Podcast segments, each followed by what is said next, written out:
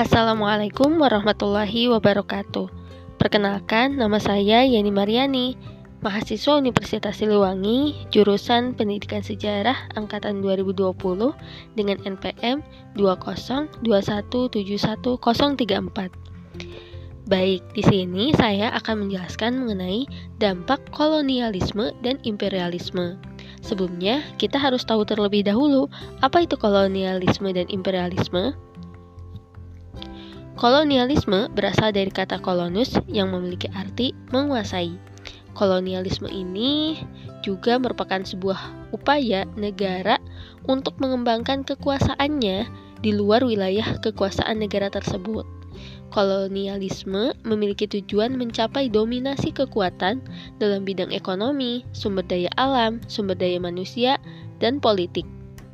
Sementara imperialisme berasal dari kata imperium dalam bahasa Latin yang berarti kekuasaan tertinggi atau kedaulatan. Imperialisme ini merupakan kebijakan atau ideologi untuk perluasan kekuasaan atas negara lain dan penduduk asli negara tersebut dengan tujuan perluasan akses politik dan ekonomi, kekuasaan dan kontrol, dan dapat dilakukan dengan menggunakan kekuatan militer. Jadi, perbedaan dari kolonialisme dan imperialisme ini terletak pada pengertiannya, di mana kolonialisme terfokus pada penguasaan suatu wilayah dengan sumber daya alam tertentu untuk dibawa ke negara asal penjajah tersebut. Sementara imperialisme berfokus dalam penguasaan politik dan pemerintahan negara yang memiliki pengaruh terhadap negara tersebut. Kolonialisme dan imperialisme sebenarnya sudah dilakukan oleh bangsa Eropa sejak abad ke-15 di seluruh dunia, sampai akhirnya masuk ke Nusantara. Pada saat itu, latar belakang bangsa Eropa masuk ke wilayah Nusantara disebabkan oleh beberapa hal, di antaranya ditutupnya pasokan rempah-rempah dari Laut Tengah setelah jatuhnya Konstantinopel oleh Sultan Mehmed II atau Muhammad Al-Fatih ke kekuasaan Turki Utsmani pada tahun 1453 Masehi, merosotnya ekonomi dan perdagangan bangsa Eropa, serta pelaksanaan revolusi industri. Perlu kita ketahui bahwa kolonialisme dan imperialisme modern muncul setelah revolusi industri karena bertujuan untuk mengembangkan perekonomian bangsa Eropa. Revolusi industri ini membuat bangsa Eropa menciptakan kapal laut yang digunakan untuk menjelajah samudra demi mencari sumber daya di belahan dunia lain. Di samping itu, misi ini juga dilakukan untuk melanjutkan semangat perang salib sebagaimana semboyan yang mendasari aktivitas eksplorasi, eksploitasi, meski pada akhirnya menjadi kolonialisme serta imperialisme, kita kenal dengan 3G, yaitu gold, glory, dan gospel. Gold yang berarti keinginan memperoleh kekayaan di wilayah-wilayah baru yang ditemukan. Glory yang berarti kejayaan atau lebih rinci lagi memperoleh wilayah jajahan untuk dikuasai melalui penjajahan samudra dan terakhir gospel, yaitu misi agama atau misionaris. Baik, selanjutnya yaitu dampak kolonialisme dan imperialisme. Yang pertama, dampaknya terhadap bidang politik pemerintahan. Kedatangan bangsa barat memberi perubahan dalam sistem politik pemerintahan. Sistem pemerintahan yang awalnya menggunakan sistem kerajaan perlahan berubah menjadi sistem barat. Hal tersebut terlihat pada masa pemerintahan Gubernur Jenderal Dendels yang membagi wilayah kekuasaan Belanda di Jawa menjadi 9 prefektur atau provinsi dan 30 kabupaten. Kepala pemerintahan tiap prefektur disebut dengan prefek setiap kabupaten atau regenscape dipimpin oleh bupati yang diangkat dari kalangan pribumi.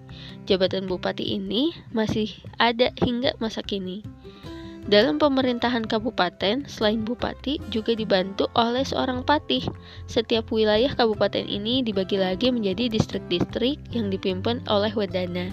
Distrik ini kemudian dibagi kembali menjadi onder distrik yang dikepalai oleh asisten wedana yang pada saat ini sering kita sebut dengan camat. Di bawahnya kemudian barulah ada desa-desa. Sistem yang dibawa sejak Denlus ini terus mengalami perkembangan dan perbaikan. Selanjutnya dalam bidang ekonomi. Selain melakukan reformasi dalam bidang politik, pemerintahan, Belanda juga melakukan perubahan dalam sistem ekonomi tradisional. Tanah-tanah yang awalnya milik raja-raja dialihkan menjadi milik pemerintahan. Hal tersebut tentunya sesuai dengan prinsip Belanda yang memang ingin mengumpulkan kekayaan. Pemerintahan menerapkan sistem pajak dan harga dari penjualan hasil bumi para petani juga telah ditetapkan oleh pemerintah kolonial. Dengan perpindahan kepemilikan tanah ini, maka pemerintah bebas melakukan apa pun dengan tanah tersebut, termasuk menyewakan pada swasta, sehingga pemerintah bisa mendapatkan pajak tambahan dari swasta untuk mengisi kas pemerintahan. Kemudian, pada tahun 1828, sistem perbankan mulai masuk ke Indonesia. Bank pertama yang berdiri yaitu The Javase Bank. Sehingga sistem ekonomi uang juga semakin berkembang. Pemerintahan Belanda juga membangun pusat-pusat pelabuhan untuk kepentingan perdagangan. Selain itu, perkebunan juga semakin berkembang, sehingga hasil tanamannya juga melimpah. Untuk mempermudah pengangkutan hasil tanam, maka Belanda membuat jalur kereta api yang juga menghubungkan ke pelabuhan, sehingga dengan ditunjang sarana dan prasarana yang mumpuni, ekonomi Belanda semakin berkembang pesat. Dari perubahan sistem ekonomi yang terjadi, dapat diambil manfaatnya bagi bangsa Indonesia, yang mana hasil pengembangan tersebut masih kita rasakan hingga saat ini. Misalnya seperti kereta api, sistem bank, pelabuhan, jalan-jalan besar, dan tentunya penggunaan sistem uang. Dalam bidang sosial budaya, kedatangan bangsa Eropa berpengaruh dalam bidang kebudayaan, misalnya dalam cara berpakaian, arsitektur, musik, dan yang lainnya. Namun, tidak semuanya dapat diterima langsung oleh masyarakat. Tentunya disesuaikan dengan kultur lokal, sehingga memunculkan kebudayaan yang baru.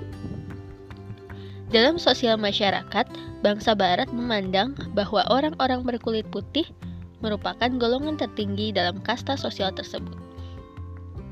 Orang-orang timur asing merupakan golongan kedua, sedangkan pribumi adalah golongan ketiga atau yang paling rendah. Hal tersebut dilakukan untuk menanamkan pemikiran orang-orang pribumi bahwa mereka tidak lebih baik dari orang barat, sehingga mereka harus tunduk dan patuh serta tidak boleh melawan atau memberontak pada bangsa barat. Selain dampak negatif tersebut, bangsa barat juga membawa agama Kristen masuk ke Indonesia, sehingga semakin menambah keberagaman agama di Indonesia. Dalam kebudayaan masyarakat, gaya hidup mereka juga semakin bergeser, khususnya para pribumi kalangan atas. Misalnya saja gaya berpakaian. Perubahan gaya berpakaian ini tentunya tidak hanya untuk meningkatkan strata sosial dalam masyarakat saja, namun beberapa dilakukan untuk kepentingan pekerjaan. Para wanita pribumi mulai mengenal penggunaan dress dalam berpesta, pakaian berendah, dan juga pakaian tidur. Sedangkan para pribumi mulai terbiasa dengan penggunaan jas dalam acara-acara pesta maupun dalam melakukan pekerjaannya. Selanjutnya dalam bidang pendidikan. Sejak datangnya bangsa barat ke Indonesia, pendidikan semakin berkembang ke arah yang lebih maju. Hal tersebut tidak terlepas dari adanya politik balas budi atau politik etis yang dilakukan oleh bangsa barat, khususnya pemerintahan kolonial Belanda Sistem ini muncul sebagai bentuk dari protes kaum liberal Belanda yang mengecam pemerintahan kolonial Belanda yang dinilai menindas rakyat. Tersebarnya keadaan rakyat Indonesia yang tertindas itu tidak lepas dari tokoh yang bernama Multatuli yang menerbitkan buku mengenai keadaan masyarakat kala itu dengan judul Max Havelaar. Selain itu juga terdapat tulisan mengenai utang kehormatan oleh Van Deventer yang terbit di majalah Belanda The Gids. Dalam tulisan tersebut dijelaskan bahwa Belanda berhutang kepada bangsa Indonesia atas semua kekayaan yang mereka peroleh, sehingga perlu, perlu dibayarkan kembali untuk kesejahteraan pribumi. Pemikiran Van Deventer itu kemudian dikenal dengan etis politik atau politik etis yang berfokus pada tiga hal, di antaranya pendidikan, perpindahan penduduk, dan irigasi. Sehingga pada tahun 1901, Ratu Wilhelmina mengumumkan mengenai penyelidikan kesejahteraan di Jawa, dan politik itu pun disahkan. Dari politik etis yang diterapkan di Indonesia, yang paling besar pengaruhnya adalah dalam bidang pendidikan. Pada awalnya, pendidikan ini diperuntukkan untuk menghasilkan tenaga kerja pembantu pemerintahan dan hanya untuk kalangan Belanda serta kalangan priai saja. Namun, pada akhirnya sekolah-sekolah rakyat semakin berkembang. Sekolah tersebut di antaranya ialah ORFS Lagre School, Stopia atau Sekolah Kedokteran, Hugere Burgelit School, dan lainnya. Untuk kalangan pribumi, kemudian disediakan sekolah kelas 1 yang diperuntukkan kalangan atas. Sedangkan untuk rakyat disediakan sekolah kelas 2 atau disebut sekolah ongkoloro.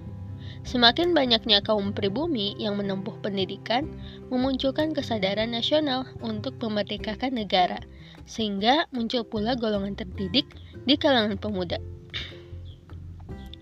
Kebanyakan golongan aktivis ini bersekolah di Stovia atau Sekolah Dokter Jawa.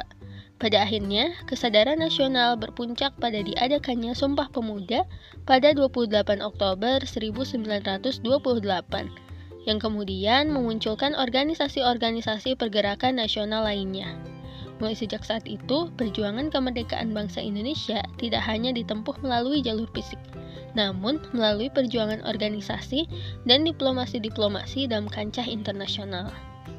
Hal paling penting yang bisa kita pelajari di sini adalah ketika suatu bangsa atau peradaban mulai memfokuskan rakyatnya terhadap pendidikan, maka kemajuan dan juga pencapaian itu akan semakin mudah.